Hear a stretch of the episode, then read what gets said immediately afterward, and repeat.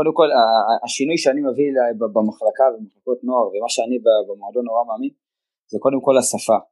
השפה חייבת להיות, אה, אה, היא חשובה לי מאוד השפה וחשוב מאוד שהיא תהיה מכבדת ומלמדת. אה, אני חושב שאנחנו עובדים עם בני נוער ומאמנים לפעמים מסתכלים על זה כדורגל, כדורסל, ספורט, חיים, זה ממש לא זה ובטח לא שאתה עובד עם בני נוער. אני חושב שהשפה היא חשובה, אני שם דגש מאוד גדול על, על זה שמאמנים לא יצעקו, שוב, יש אמוציות וזה כדורגל וחם ודשא וצועקים מדי פעם וזה בסדר, אבל אני מדבר לא לצעוק על מישהו ולא להוריד ביטחון, הביטחון זה מבחינתי כדורגלן, כל בן אדם זקוק לביטחון, אבל כדורגלן, ספורטאי שיש לו ביטחון, תקבל אותו ביכולת מקסימלית. שחקן בלי ביטחון, לא תוכל לקבל ממנו את היכולת המקסימלית, זה בעיה. מי יוצר את הביטחון? הרוב זה המאמן. עכשיו, כן, יש 22 שחקנים, 11 שמשחקים בהרכב, ברור שיהיה להם יותר קל לקבל ביטחון, אבל עדיין, גם אלו שעל הספסל וגם אלו שמשחקים, עדיין, זה, אני אומר לך ששחקתי, היה שנה ששחקתי בבוגרים, אני לא רוצה להזכיר את השם של המאמן ואת הקבוצה כי ישר ידעו, שחקתי, הייתי, לא החלפתי, שנה שלמה שיחקתי, והביטחון שלי היה ברצפה, בגלל שהמאמן כל הזמן, כל הזמן היה זורק לי עקיצות, היה מדבר עליי בצורה לא יפה, היה והייתי שחקן כבר בוגרים, זאת אומרת, עדיין יש לזה, משמע, יש לזה משקל מאוד גדול לאיך שהמאמן מדבר, אף פעם אני לא אתן למאמן להאשים שחקן, בטח בטח לא ליד, אה, בפומבי ליד כל הקבוצה, אפשר לקחת שחקן הצידה ולהגיד לו על טעויות וזה בסדר, אנחנו פה בשביל לשפר אותם וללמד אותם, מאמן צריך להיות סמכותי, אבל יחד עם זאת הוא צריך גם לדעת איך אה, אה, לדאוג אה, להרים את הביטחון של השחקן ולדבר עליו בצורה אה, יפה. וזה באמת דבר שמאוד אה, חשוב לי ואני שם לזה דגש מאוד גדול, זאת אומרת מאמן יכול להפסיד עשרה משחקים, אם הוא מעביר את האימון בצורה טובה, אם הוא מדבר והילדים מאושרים אצלו ונותן להם ביטחון, מבחינתי הוא מאמן טוב שיתקדם.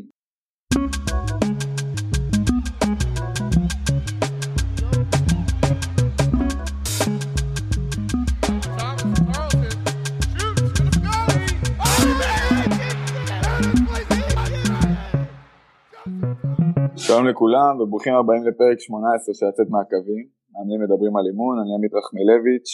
אני גלעד ארמון. והיום אנחנו עם עומר בוקסנבאום. מה נשמע עומר? היי, ערב טוב, הכל טוב, מה שלומכם? מצוין. מצוין. שמחים שבאת. אה, עומר היה שחקן כדורגל בעבר, ברמות הגבוהות בארץ. בין היתר שיחקת בהפועל רמת גן, מכבי חיפה, הפועל מכבי פתח תקווה ועוד. ובארבע השנים האחרונות אתה מנהל מקצועי של אה, מחלקת הנוער של הפועל תל אביב ואני חייב להגיד שכבר כמה אנשים אה, שאלו אותי מתי אתם מביאים את עומר בוקסנבאום, שמעו אותך בכמה פודקאסטים ואנחנו אה, שמחים שיצאנו, נכון. כן, אנחנו שמחים שיצא לך לבוא. אז ככה מי שלא מכיר, אני אשמח שתעבור ככה על ציר זמן של הקריירה שלך, מהרגע שבעצם התחלת לשחק עד uh, תחילת קריירת האימון, ככה באירועים okay. אוקיי. משמעותיים. Uh, קדימה. טוב, גדלתי במחלקת נוער של הפועל רמת גן, אני תושב העיר גבעתיים ואיצטדיון המכתש על עד הבית שלי, מי שמכיר, המגרש המיתולוגי של הפועל רמת גן, שם גדלתי, התפתחתי במחלקת נוער שם, אחרי זה בגיל 20 שעליתי לקבוצה הבוגרת, uh, התמזל מזלי באמת, זכינו בגביע המדינה uh, ועשינו היסטוריה להיות הקבוצה הראשונה והיחידה עד היום שזוכה בגביע המדינה מליגה שנייה. אחרי הזכייה מכבי חיפה, uh, עשיתי מעבר צפונה. אני יכול להגיד שהמעבר למכבי חיפה, כולם כאילו תמיד אומרים לי איך עברת, למה עזבת, לא שיחקת שם, לא שיחקתי הרבה במכבי חיפה, אבל זה השנה שהכי הרבה למדתי. אה, שיחקתי עם שחקנים גדולים כמו עידן טל, מיכאל זנדברג, אה, ווליד בדיר, ג'ובאני רוסו, ולבוא מהפועל רמת גן הקטנה למכבי חיפה הגדולה, אה, היה מעבר מאוד גדול ומאוד משמעותי עבורי. אני חושב שזו השנה שבה הכי הרבה התפתחתי כשחקן כדורגל. ואז באמת הלכתי שנתיים לפועל פתח תקווה בליגת העל, עברתי למכבי הרצליה, היו לי שנתיים מעולות שם גם בליגת העל, מכבי פתח תקווה, וכשהפועל רמת גן חזרה לליגת העל אה, היה לי ברור שאני אחזור, כי אני אוהד של הקבוצה וגדלתי שם, ויש היסטוריה משפחתית ארוכה עד שנים עם המועדון, אז אה, חזרתי באמת להפועל רמת גן, עברתי, אחרי שחזרתי לפועל רמת גן עברתי פציעה בהרצאות, קראתי את ההרצאה הצולבת, חזרתי אחרי שנה, ואז אחרי שנתיים קראתי שוב, עשיתי איזשהו שיקום בלי ניתוח שניסיתי, אבל אחרי תקופה של כמה חודשים קראתי שוב את הרצועות שלא יכלתי לחזור לשחק, ובגיל 32 פרשתי. פרשתי, עשיתי, פרשתי בסביבות נובמבר זה היה, וככה עד שנגמרה העונה, באמת, ידעתי שאני רוצה לעבוד עם, עם בני נוער, אז באמת עשיתי ככה שיעורי בית מאוד טובים, ובמשך חצי שנה גם עשיתי השתלמות ברדבול זלצבורג, וגם למדתי ככה, נפגשתי עם כל מיני מנהלי מחלקות אה, בארץ, אז עשיתי עבודה ככה בשביל להגיע מוכן לתפקיד, ובאמת הייתי בתפקיד הזה בסוף שנה, נכנסתי לתפקיד בפועל רמת גן, הייתי שנתיים, קיבלתי הצעה מהפועל תל אביב, עברתי, וזה הכי בקצרה שיכלתי. אה, זה מעניין, כי אתה יודע, אנחנו מכירים כל מיני סיפורים, היה פה רן בן שמעון שישר. מקריירה של שחקן התחיל לאמן את הנוער של מכבי תל אביב. אבל אתה בעצם ישר עברת לניהול מקצועי, יצא לך גם נכון. אה, לחוות קצת אה, אימון לפני זה?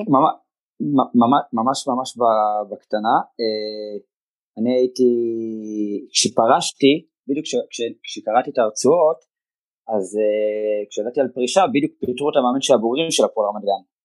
ואמרו לי בוא תאמן, אבל אתה יודע גם הייתי מוצף רגשית כי פרשתי ועברתי פציעה היה לי קשה מאוד, אבל uh, ידעתי שגם אני לא רוצה את זה, זאת אומרת, כיוונתי uh, ללכת לנהל מחלקת נוער, uh, ועוד מעט אני אספר גם למה, ואמרתי עד שתמצאו מאמן, אוקיי, אני מוכן לבוא, לעזור, ובאמת האמנתי את, הקבוצה הבוגרת של הפועל המגן שבועיים, שבועיים וחצי, העברתי שני משחקים, הייתה חוויה נחמדה מאוד, כמובן שלא הייתי מוכן ובשל, אה, אבל עשיתי את זה וזהו, ואז הלכתי באמת וכיוונתי את עצמי לניהול המקצועי.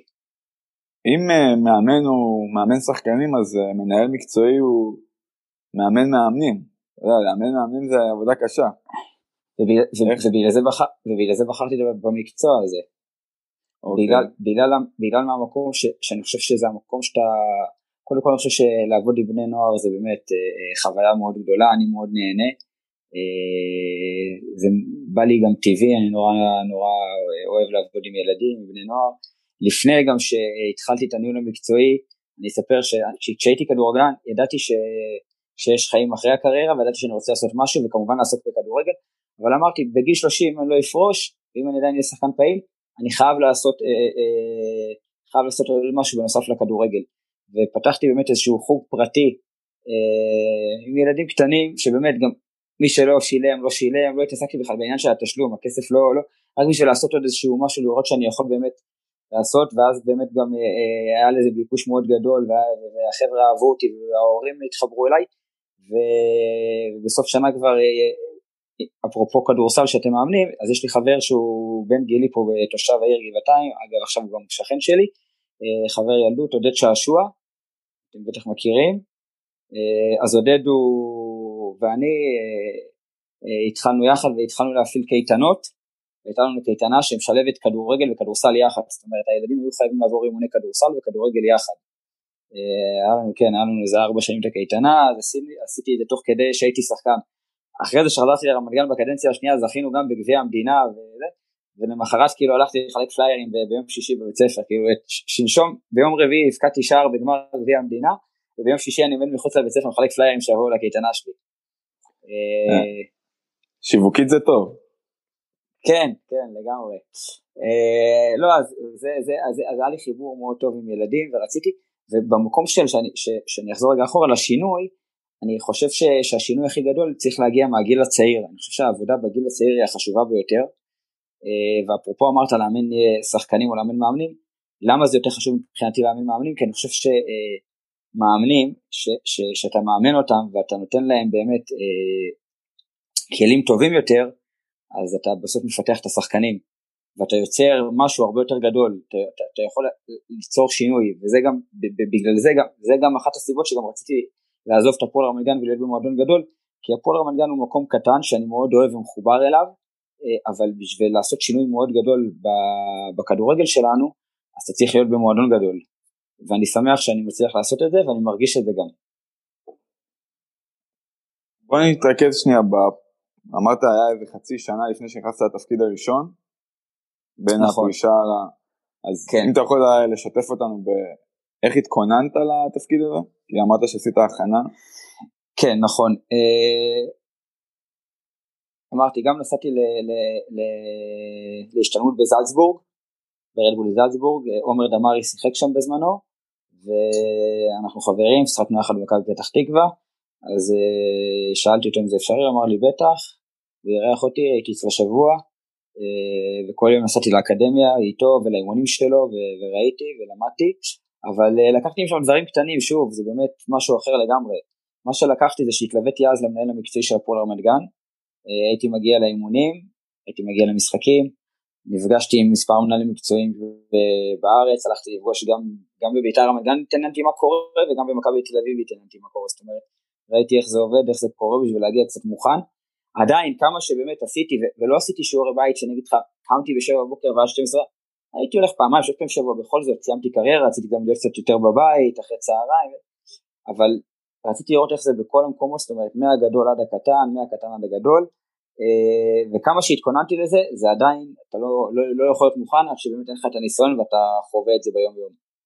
היום למשל יש לי הרבה יותר אה, ידע וניסיון בתחום, איך שהתחלתי בהפועל רמת גן, אני חושב על השנה הראשונה שלי בהפועל רמת גן, אז, אז, אז לא הייתי מספיק טוב כמו שאני היום.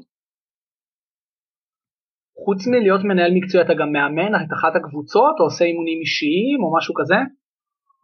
לא, אני לא מאמין תחת הקבוצות, אבל אני כן יורד למגרש ולפעמים מעביר אימונים, וכן אני עושה אימוני השערה מדי פעם. האמת שבהתחלה הייתי עושה את זה יותר.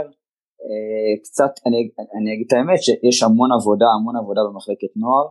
אה, זה אם זה אמרתם לאמן מאמנים אז אני אגיד לכם רק שיש לנו לפחות איזה 40 מאמנים כאילו אנשי צוות או 50 במועדון כן יש לנו קבוצות 2 כאילו שתי קבוצות, לא קבוצות שתיים, קבוצה הפועל צפון נחשבת, הפועל דרום, ועל כל קבוצה יש מאמן ועוזר מאמן, על כל קבוצה נערים יש אנליסט, יש מאמן מנהלי, יש לנו מאמני שוערים, מאמני כושר, עם כולם אני חייב להיות בכושר, עם התזונאית, עם כולם אני צריך להיות בכושר, בקשר, אז, אז אה, בכושר אמרתי סליחה, בקשר וגם בכושר, אבל אה, אז אתה יודע, אז קצת, אבל עדיין כמובן שאין דבר יותר כיף עבורי לפחות, מלהיות על קר הדשא, זאת אומרת להעביר את זה על הדשא. אני נורא אוהב וידאו ומאמין בוידאו ובטח ניגע בזה בהמשך, אבל מבחינתי להיות על הדשא, לשים נעלי פקקים, לרדת לדשא זה... אין, אין, לזה, אין סיפוק כזה באמת, זה, זה הדבר הטוב ביותר שיכול להיות למי שאוהב כדורגל. אז בוא ניקח באמת את, ה, את מה שאמרת עכשיו אה, לשאלה הבאה, לפני, אה, לפני כמה חודשים, פרק 11, התארח אצלנו דן שמיר, והוא דיבר בצורה ממש, אה, בצורה ממש מעניינת וגלויה על זה שהוא לא היה שחקן מקצוען. זה משהו שמאוד מאפיין אותו בתור מאמן, גם לטובה וגם לרעה בעיניו, וזה משפיע על הדרך שבה הוא מסתכל על המשחק. אתה כן היית שחקן וכן הגעת לרמות הגבוהות. כמה זה מאפיין את הדרך שאתה יורד לדשא או, או מתקשר עם אנשי הצוות? אז זו שאלה מצוינת, אני, אני, יש לי עליה תשובה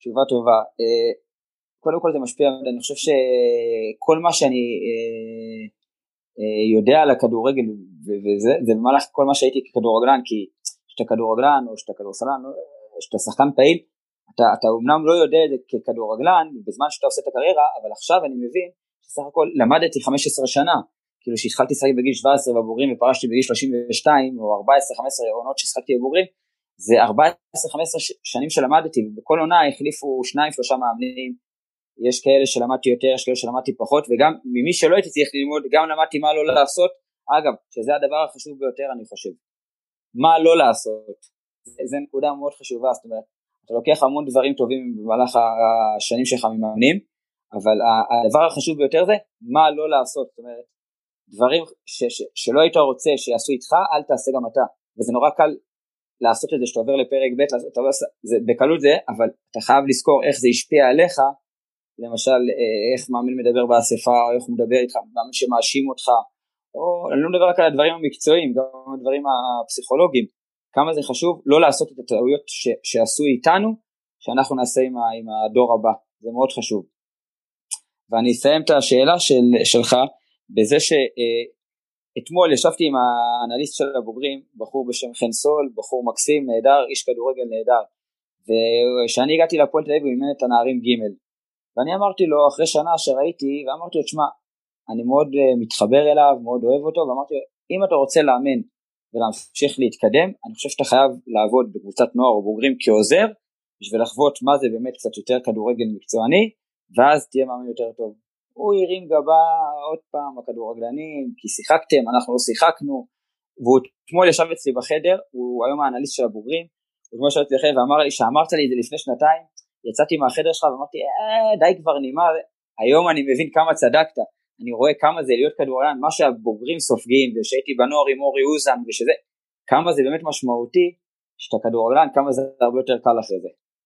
אז אני יותר מתחבר אליי באמת לקטע הזה שהייתי שחקן, כי זה באופן טבעי הרבה יותר קל.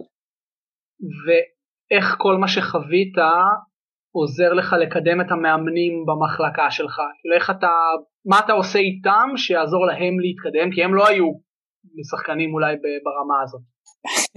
קודם כל אצלנו במחלקה יש את uh, מיכאל זנדברג שהוא אתה יודע uh, ואורי אוזן ויוסי שיפחון אז יש לנו קצת מאמנים ששיחקו כדורגל אבל נכון יש הרבה מאמנים בוא, בוא נשאל אפשר להוסיף לשאלה עוד, עוד עניין שאיך אתה עובד גם עם מאמנים שאולי יותר מנוסים ממך? לא יודע הם יותר טובים אבל הם יותר מנוסים. הם, הם, תראה לא, אין ספק, אין ספק ש, שמיכאל זנדברג ושפחון ואוריזן הם עשו קריירה יותר גדולה משלי והם שחקנים גדולים וזה, וזה בסדר, הכל, הכל בסדר. זה עדיין אה, לא כל מי שעושה קריירה גדולה יותר או זה, הוא הופך להיות תמיד המאמן הטוב ביותר או עם הידע.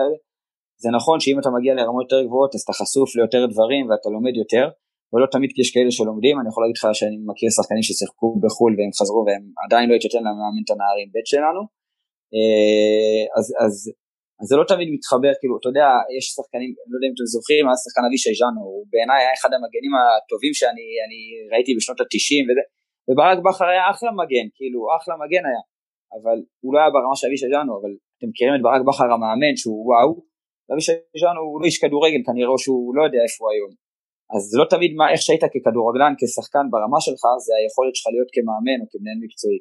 אני יכול להגיד לך שחיברתי מאוד את, את אורי אוזן, את מיכאל זנדברג, את יוסי שיפחון, את, אה, את כל המאמנים באמת שהם שחקנים אליי.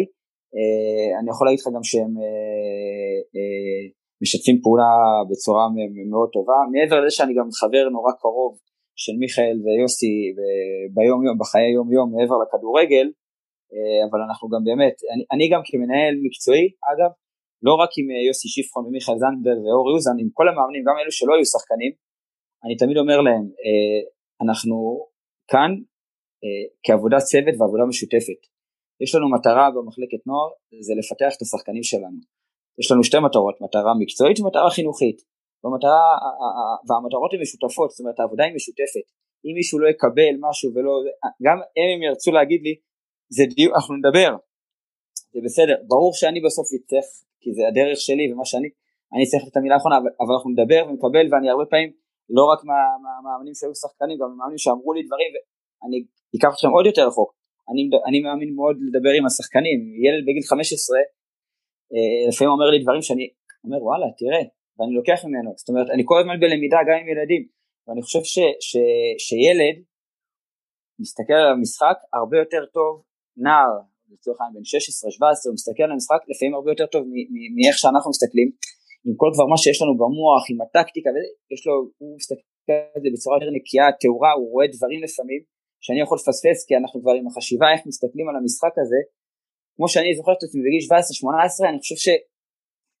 לא יודע שלטתי בכדורגל ברמה באמת ממש טובה ו- ואפשר ללמוד מהם המון. אז אנחנו באמת במחלקה עובדים בעבודת צוות ו- וכולנו עובדים יחד בשיתוף פעולה. כן, זה, זה נשמע מאוד הגיוני שאם כאילו תשאל אותי מה לדעתי הבדל בין מנהל מקצועי שהיה שחקן וישר עבר לניהול מקצועי לבין מנהל מקצועי שאולי עשה את כל הדרך, אתה יודע, מהגילאים, מבית ספר כן. כדורגל עד זה, זה באמת הזוויות האלה של איך אה, שחקן כדורגל מסתכל לפעמים על המשחק ולא... מנהל מקצועי אבל זה גם זה, זה, זה עניין של ניהול. ופה אני יכול להגיד שזה משהו שבא לי נורא טבעי. זה כנראה שוב אה, אני יכול להגיד לך שכל המשפחה שלי אה, אחי קטן מנהל אחי גדול מנהל אבא שלי מנהל כל אחד בעבודה שלו הוא מנהל. זאת אומרת זה כנראה משהו שהוא נורא טבעי לנו במשפחה. אה, אז, אז זה בא לי בצורה טבעית, לנהל, לנהל אנשים, לנהל את המחלקה, זה משהו ש... שלפעמים בן אדם יש לו את זה, צריך שיהיה לו את זה. כן, זה גם uh, בסוף uh, חלק מרכזי באימון. אני רוצה לקחת את זה למקום אחר, שאנחנו נדבר תכף על השתלמויות ואני רוצה שתרחיב קצת בנושא הזה, אבל לפני זה uh, די ברור שאתה בן אדם שיורד לפרטים ומנסה, אתה יודע, לצבור כמה שיותר ידע. אני אשמח שתשתף אותנו איך היום, בימים האלה אתה משקיע בעצמך, איך אתה מתמקצע בתור מנהל, בתור מאמן, בתור איש כדורגל, איש חינוך. שאלה טובה, תראה, יש, העניין האיש חינוך זה גם, אה, אני נורא, קודם כל השינוי שאני מביא במחלקה במחלקות נוער ומה שאני במועדון נורא מאמין זה קודם כל השפה, השפה חייבת להיות, אה, אה, היא חשובה לי מאוד השפה וחשוב מאוד שהיא תהיה מכבדת ומלמדת, אני חושב שאנחנו עובדים עם בני נוער ומאמנים לפעמים מסתכלים על זה כדורגל, כדורסל, ספורט, חיים, זה ממש לא זה, ובטח לא שאתה עובד עם בני נוער. אני חושב שהשפה היא חשובה, אה, אני שם דגש מאוד גדול על, על זה שמאמנים לא יצעקו, שוב, יש אמוציות וזה כדורגל וחם ודשא וצועקים מדי פעם וזה בסדר, אבל אני מדבר לא לצעוק על מישהו ולא להוריד ביטחון, הביטחון זה מבחינתי כדורגלן, כל בן אדם זקוק לביטחון, אבל כדורגלן, ספורטאי שיש לו ביטחון, תקבל אותו ביכולת מקסימלית. שחקן בלי ביטחון לא תוכל לקבל ממנו את היכולת המקסימלית, זה בעיה. מי יוצר את הביטחון? הרוב זה המאמן. עכשיו, כן, יש 22 שחקנים, 11 שמשחקים בהרכב, ברור שיהיה להם יותר קל לקבל ביטחון, אבל עדיין, גם אלו שעל הספסל וגם אלו שמשחקים, עדיין, זה, אני אומר לך ששחקתי, היה שנה ששחקתי בבוגרים, אני לא רוצה להזכיר את השם של המאמן ואת הקבוצה כי ישר ידעו, שחקתי, הייתי, לא הוחלפתי, שנה שלמה שיחקתי, והביטחון שלי היה ברצפה, ויש שם מאמן, כל הזמן כל הזמן היה זורק לי עקיצות, היה מדבר עליי בצורה לא יפה, היה זה, והייתי שחקן כבר בוגרים, זאת אומרת, עדיין יש לזה, משמע, יש לזה משקל מאוד גדול לאיך שהמאמן מדבר, אף פעם אני לא אתן למאמן להאשים שחקן, בטח בטח לא ליד, אה, בפומבי ליד כל הקבוצה, אפשר לקחת שחקן הצידה ולהגיד לו על טעויות וזה בסדר, אנחנו פה בשביל לשפר אותם וללמד אותם, מאמן צריך להיות סמכותי, אבל יחד עם זאת הוא צריך גם לדעת איך אה, אה, לדאוג אה, להרים את הביטחון של השחקן ולדבר עליו בצורה אה, יפה. ו... וזה באמת דבר שמאוד אה, חשוב לי ואני שם לזה דגש מאוד גדול, זאת אומרת מאמן יכול להפסיד עשרה משחקים אם הוא מעביר את האימון בצורה טובה, אם הוא מדבר והילדים מאושרים אצלו ונותן להם ביטחון, מבחינתי הוא מאמן טוב שיתקדם, הוא יכול לנצח עשרה משחקים, הוא בטעות יאשים מישהו, יקלל, מישהו יבוא אליי, יבכה בלי ביטחון משהו, ילד, כן, לא זה, הוא יכול ללכת הביתה אצלי, זאת אומרת, זה, זה, זה, זה, זה ככה עובד, הם יודעים את זה גם, המאמנים יודעים את זה ואני אומר את זה תמיד, בארבע עיניים וזה מאוד חשוב לי. זה, זה בקטע הזה. ובואי נדבר על איך אה, התמקצעת. אה, אני שמעתי פודקאסט שלך על השתלמות במילאן. כן. אה, נכון. אני ארצה שעוד פעם, שתיתן לנו ככה בראשי פרקים מה היו המטרות ברמה האישית שלה, למה נסעת, אוקיי, ו... אוקיי. ומה לקחת. קודם כל נסעתי לאיטליה לבד עם חברים, אתה יודע, לא. אה, נסעתי כי, שוב, קודם כל אה, אני חושב שחשוב שנהיה חשופים לכמה שיותר אה, תרבויות של כדורגל ואג'נדות ואפשר, אתה יודע, מילאן לצורך העניין ויש את אינטר שזה שניהם באיטליה, שניהם במילאנו וזה יכול להיות שני דברים שונים לגמרי, זאת אומרת במילאן מאמינים במשהו אחד ומילאן זה לא קשור לזה שהם והיה לי חשוב מאוד באמת, אני, אני מסייח לכמה שיותר השתלמויות בחו"ל, למרות שלא הייתי הרבה, הייתי רק בזלצבורג ובמילאן, אני, אני זקוק באמת לעשות יותר את זה. אה, זה חשוב, אני לוקח משם הרבה דברים, אני חושב שאפשר להביא הרבה רעיונות, לבוא ולהסתכל ולהגיד וואו, כמה מגרשים, וואו, איזה עשירים, וואו, זה כל, כל הקורס, כל, כל החבר'ה שבאו איתי אמרו וואו, אבל אין לנו, זה, לא, זה לא המקום, אנחנו צריכים להסתכל רגע מה, למשל יש דברים קטנים שאתה כן יכול לקחת משם. אה, הם לא מאמינים שבאקדמיה ששחקנים צריכים לישון בגיל 14-15 עם, אה, עם השחקנים בקבוצה, הם רוצים שהם יחוו עדיין את אה, גיל ההתבגרות ויהיו עם החברים שלהם בבתי ספר והכל והם אומרים שהאימוני ההשערה שהם עושים הם פשוט אם יש אימון בשעה 5 ב-4 ורבע 45 דקות לפני שני מאמנים מחויבים להיות על המגרש ועושים אימון השערה לכל פעם לשחקנים אחרים. זה דבר שאתה יכול לקחת איתך, אתה מבין? זה, זה לא, אין פה עניין, זה, אתה, אתה אומר למאמן, זה, זה דברים שאפשר לקחת, יש, אז הדברים האלה חשוב באמת ש, שנביא רעיונות משם. אה, עוד כאלה, אנחנו רוצים עוד כאלה, מה עוד?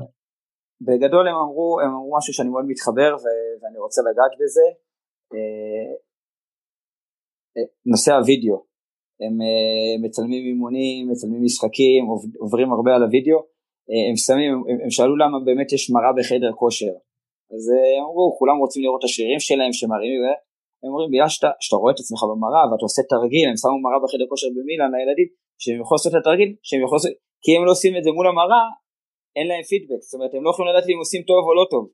אם הם נכנסים לשם לבד והם עושים תרגיל, אז הם רואים במראה, הם צריכים לדעת שהגב ישר, שהם עושים את הרגל טוב מעל המשוכה, ש... אז הם יכולים לראות את זה במראה, איך הם עושים את זה. וזה מקשר אותי לוידאו, כשאתה רואה את עצמך משחק, כשאתה רואה את עצמך משחק, אז, אז אתה יכול להבין, רגע, אוי, היו הרבה פעמים ששחקתי בקריירה ויצאתי מהמשחק, הייתי בטוח שהייתי הכי טוב על המגרש. ראיתי בווידאו, עשיתי כוח אוי ואבוי.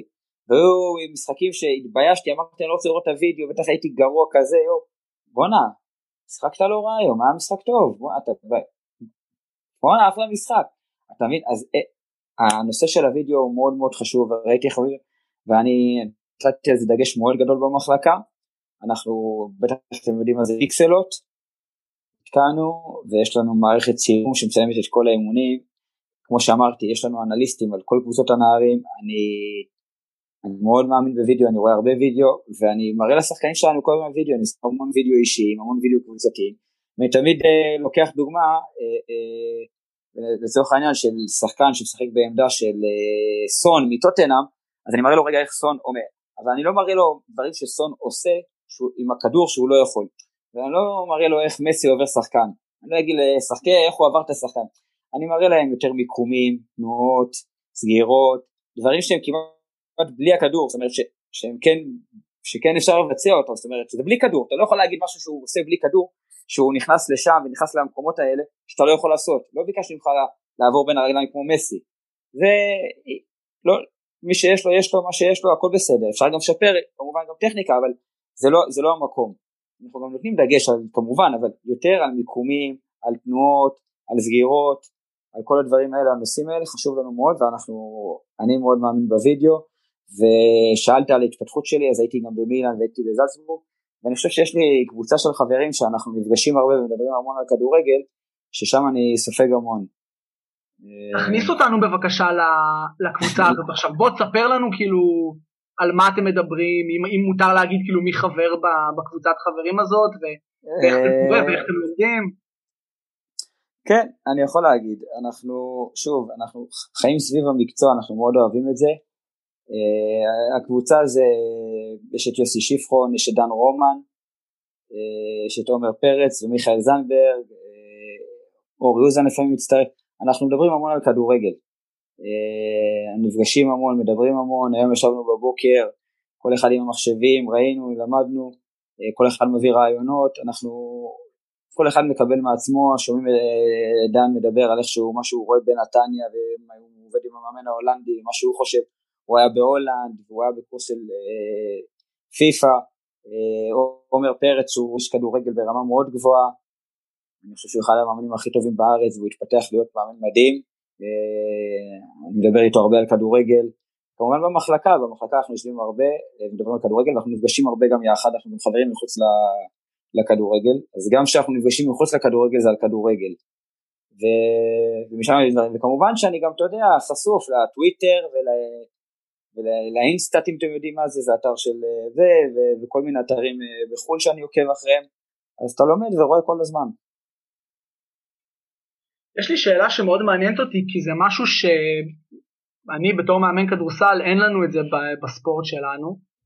יש מדד של, אה, של XG נכון ו-X כן. כאילו יש כמה היית מצפה שהקבוצה תכבוש מניתוח כזה של המון מצבים ומה. היה אמור להיחשב גם בישול או משהו שדומה לזה ואין את זה, ב, את זה בכדורסל כאילו מה היה אמור להיחשב סל או מה היה אמור להיחשב אסיסט.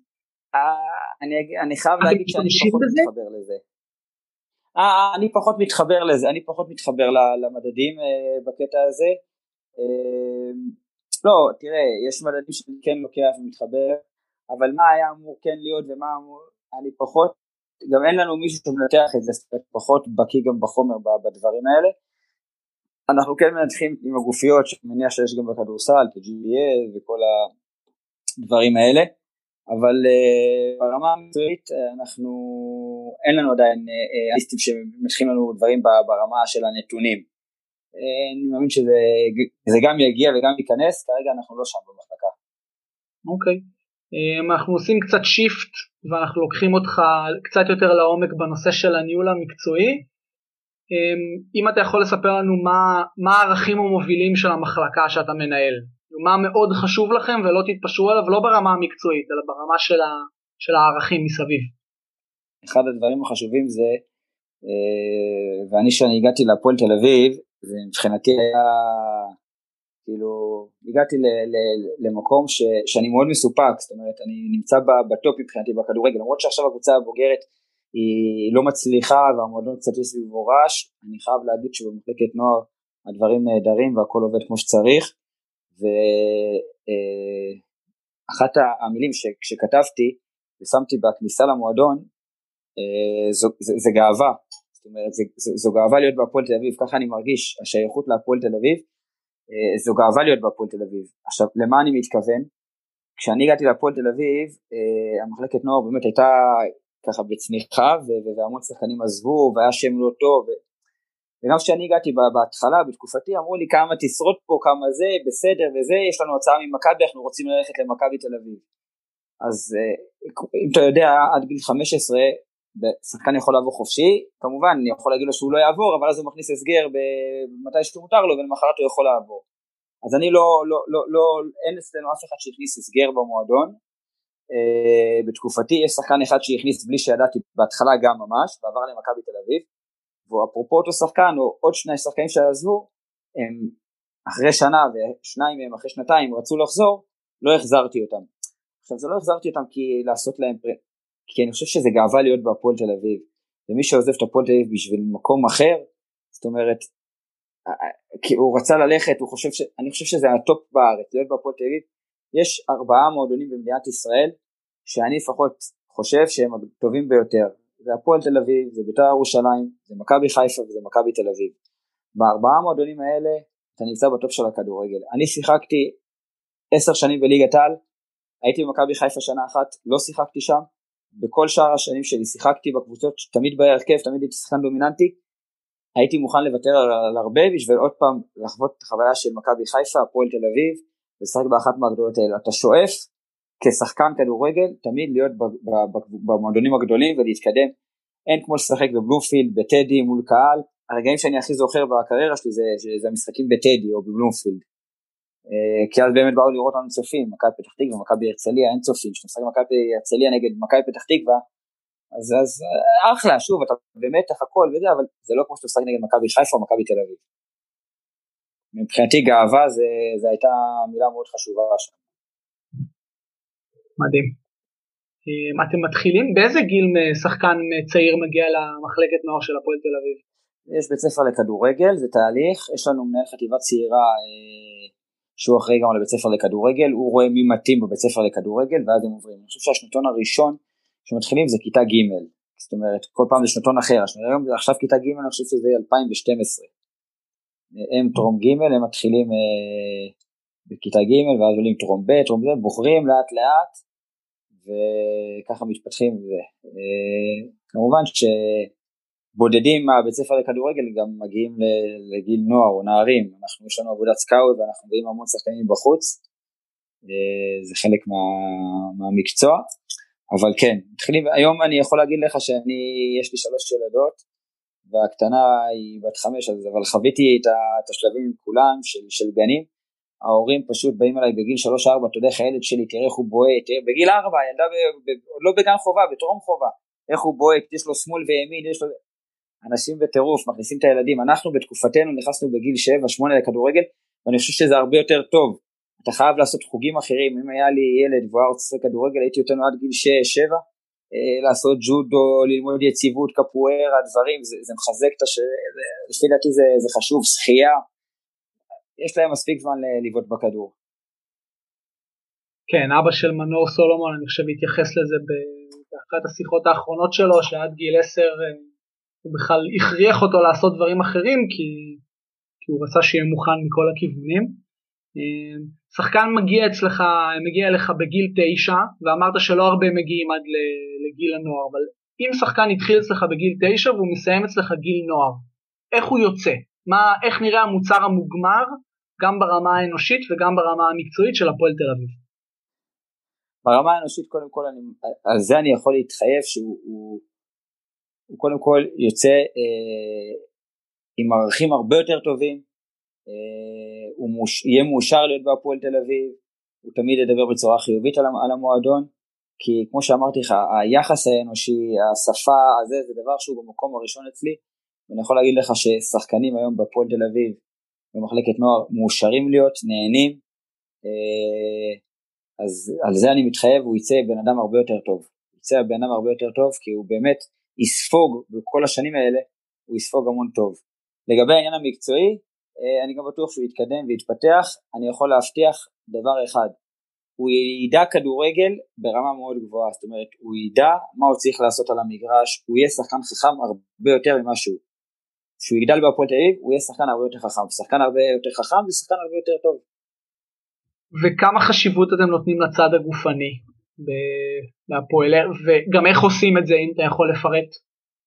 אה, אנחנו נותנים חשיבות מאוד גדולה, יש לנו תזונאית שעובדת איתנו, אבל שוב, זה גם במינון נורא נמוך, אתם, אתם, אתם באים מענף הספורט, גם בכדורסל אני מניח שזה אותו דבר, עניין של תקציבים ודברים, ואם הייתי יכול תשב אצלנו תזונאית בתוך המחלקה ושיהיו חמישה מאמני כושר, כי יש לנו 17 קבוצות ליגה, וזה, אז הייתי יכול, אבל יש לנו, אתה יודע, מאמן כושר שרץ על 3-4 קבוצות, נכנס באמצע, אני מניח שזה גם עובד ככה דומה בכדורסל, הבעיות של התקציב הן אותו הבעיות, אנחנו נותנים דגש מאוד גדול, אני חושב שהכדורגל בכלל הולך למקום הרבה יותר אה, אינטנסיבי, פיזי, זאת אומרת העניין הגופני הוא הרבה יותר אה, בא לידי ביטוי, אז אנחנו נותנים לזה דגש מאוד גדול. יש לנו מאמן שלושה או ארבעה מאמנים, יש לנו את ארבעה מאמני כושר במועדון אה, שעובדים איתנו, כמובן שאחד בחטיבה הבוגרת, אחד בחטיבת ביניים, שתיים בחטיבה צעירה שיש שם את רוב הקבוצות, ששם זה עבודה אחרת של קואורדינציה ו- ו- ודברים שונים. אה, וכמובן שעושים את זה לפי גילאים, גיל 15 תוכנית אחרת, גיל 12 תוכנית מסוימת, כמובן עושים את זה. דבר מאוד חשוב, אני יכול להגיד לך, וזה חשוב מאוד שאני אגיד את הדבר הזה, שהשחקן הישראלי, אה, אה, אני חושב שהוא אחד, אחד, אחד השחקנים ש, שעובדים על עצמם הכי קשה בעולם. זאת אומרת, בגלל התדמית שנוצרה לשחקן הישראלי בכדורגל, שלא משקיע, שזה שטויות, כי אנחנו פשוט לא מספיק טובים, אנחנו חייבים להגיד את האמת, אנחנו לא מספיק איכותיים, בשביל, ויש לנו עוד אלף סיבות למה הכדורגל באמת לא מתרמם, מצבא ופוליטיקה ו, ו, ו, ו, וגנטיקה ומיליון דברים, אבל אה, השחקן הישראלי הוא משקיע בטירוף, אני עובד שש שנים במחלקת נוער, אני יכול להגיד לך שהטירוף סביב הילדים, סביב העבודה, סביב מה שהם עושים, זה מדהים. הם עושים מלא אימונים, ההפך, הם עושים אקסטרה אימונים בעיניי.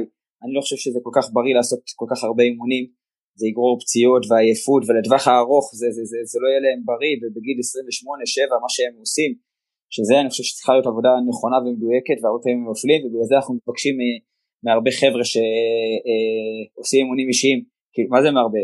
חטיבה בוגרת חייבים לדווח לנו על כל אימון שהם עושים, אה, ואנחנו נותנים למאמן כושר לשף איתם ולהגיד להם מה כן מה לא אה, בשביל שלא יעשו טעויות ונזק.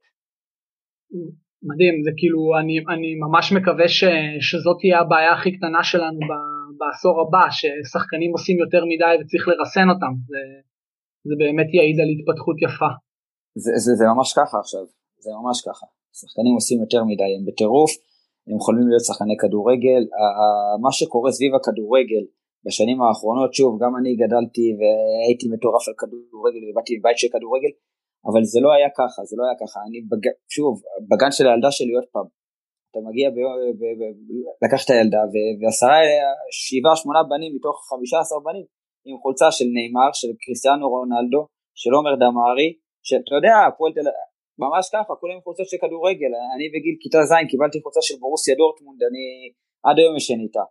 אתה יודע, זה, זה פשוט אה, ההורים, והיום הכל חשוף, כל הערוצים, כל הזה, ומסי ורונלדו ואיך שזה הפך להיות, זה פשוט אה, אה, הולך ו, וכל הזמן נהפך להיות יותר גדול.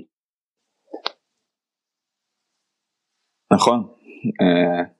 אה, אני חושב שאנחנו סך הכל גם משתפרים בסוף. המדינה כספורט היא באמת, אה, מהסטיגמה הזאת צמח הרבה. אני חושב שאנחנו לא, אנחנו משתפרים. אה, אני חושב שאנחנו, יש, יש מגמת שיפור. באמת הבעיה הגדולה היא כמה היא מגמת שיפור מול המקומות האחרים, זאת אומרת, כן. מול סלובניה, מול דנמרק, מול ספרד, מול, מול מקומות אחרים, כמה באמת המגמת שיפור אצלנו, כי יש מגמת שיפור בוודאות אצלנו. שאלה עד כמה היא מול המקומות האחרים, זה מעניין. אולי זה שווה פרק, גלעד, רשמנו לנו. אה, אני רוצה, ככה מתקרבים לסיום, אה, לפני החלק האחרון, ואני רוצה קצת לגעת באימונים של הפועל תל אביב. מה, מה חשוב לך ש, שיהיו באימונים? מה חשוב לך מבחינה מקצועית, שאיך האימונים ייראו, מה הם יפגשו? אה, שאלה טובה.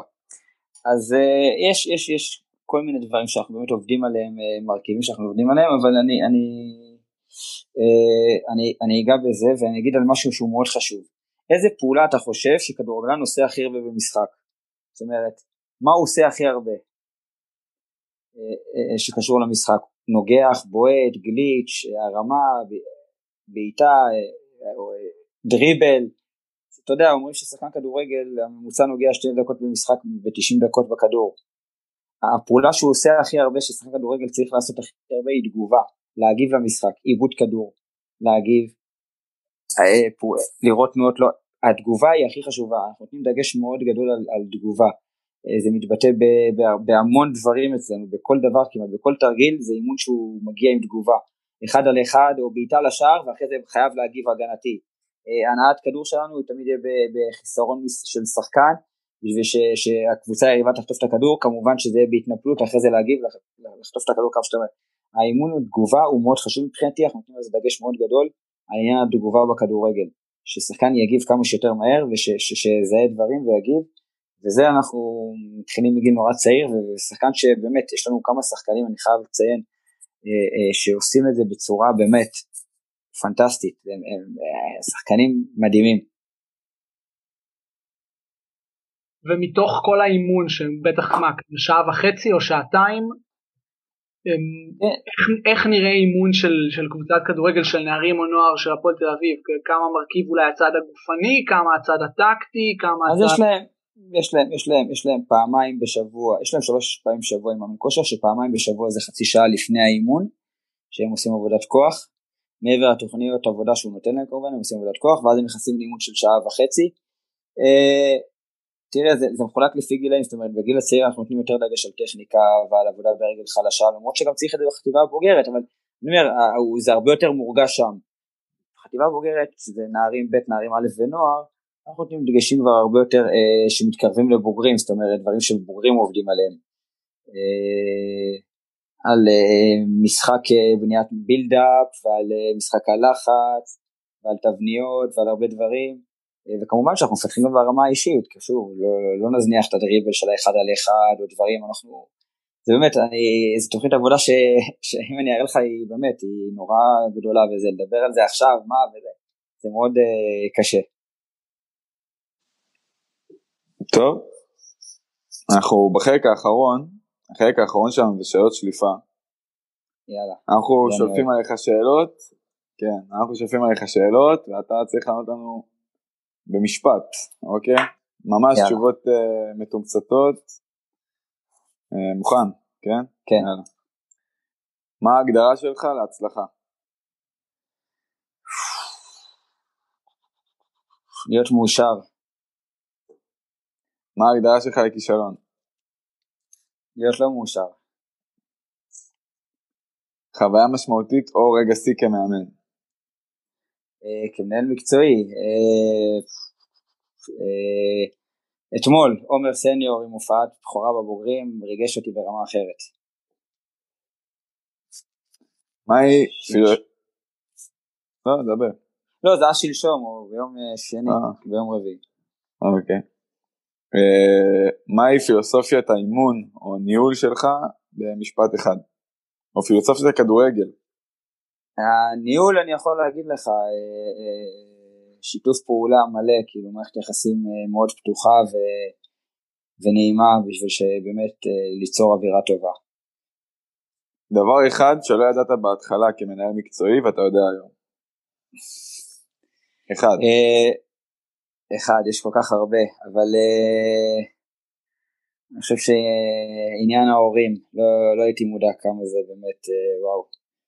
כמה זה באמת הרגעים הפחות נעימים, ושאני אמרתי על האם אני נהנה בעבודה או לא, אז זה הקטע שאני פחות נהנה. מה ההבדל בין מאמן טוב למאמן לא טוב? נלך לעניין של הביטחון, מאמן שמוריד ביטחון ומאמן שמעלה ביטחון. טיפ למאמן המתחיל? אה, תכבד את המקצוע, תכבד את עצמך, את השחקנים. אה, אני כמובן אתה עושה את זה מאהבה, אז אה, תגרום לכולם לעשות את זה מאהבה. ושאלה אחרונה, למה לאמן? אי אפשר בלי. ככה אני מרגיש, אני, אי אפשר בלי המגרש, זה, זו, זו אהבה שהיא, לפחות לי, זו אהבה שהיא, כאילו, אני לא יכול לראות את עצמי בלי הכדורגל, זה משהו שהוא לא, לא, עבורי לא נתפס. אני קודם כל כדורגלן, אני כל הזמן אומר את זה, אני קודם כל כדורגלן, אני כאילו, זה מאוד חשוב כי כדורגל זה בדם אצלי. עומר, היה פנטסטי, אני ממש נהניתי. אדיר, איזה כיף. נהנית? כיף גדול. אני? היה לי כיף מאוד. אני מדבר על כדורגל ולשתף ולחלוק, אני מאוד אה, מאוד אוהב.